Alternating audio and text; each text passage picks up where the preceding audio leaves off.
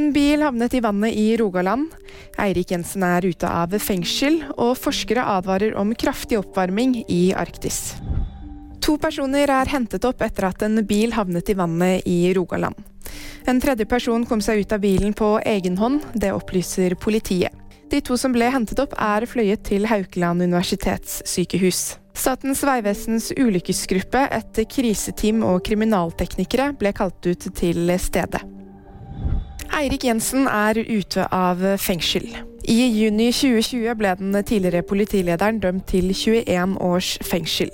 Nå er han stemplet soningsudyktig pga. helse. Mandag kveld ble han hentet ut fra Kongsvinger fengsel av kjæresten Ragna Vikre.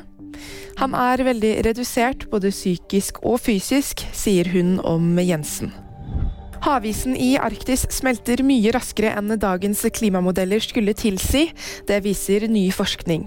Oppvarmingen går mye raskere enn hva klimamodellene forespeiler. De klarer rett og slett ikke å fange opp de raske endringene, sier havforsker Morven Mulvik fra Norsk Polarinstitutt til NTB. Dersom havisen rundt Nordpolen forsvinner, advarer forskere om at det vil få konsekvenser for hele jordkloden. Og VG-nyheter fikk du av meg, Ingrid Alice Mortensen. Bye.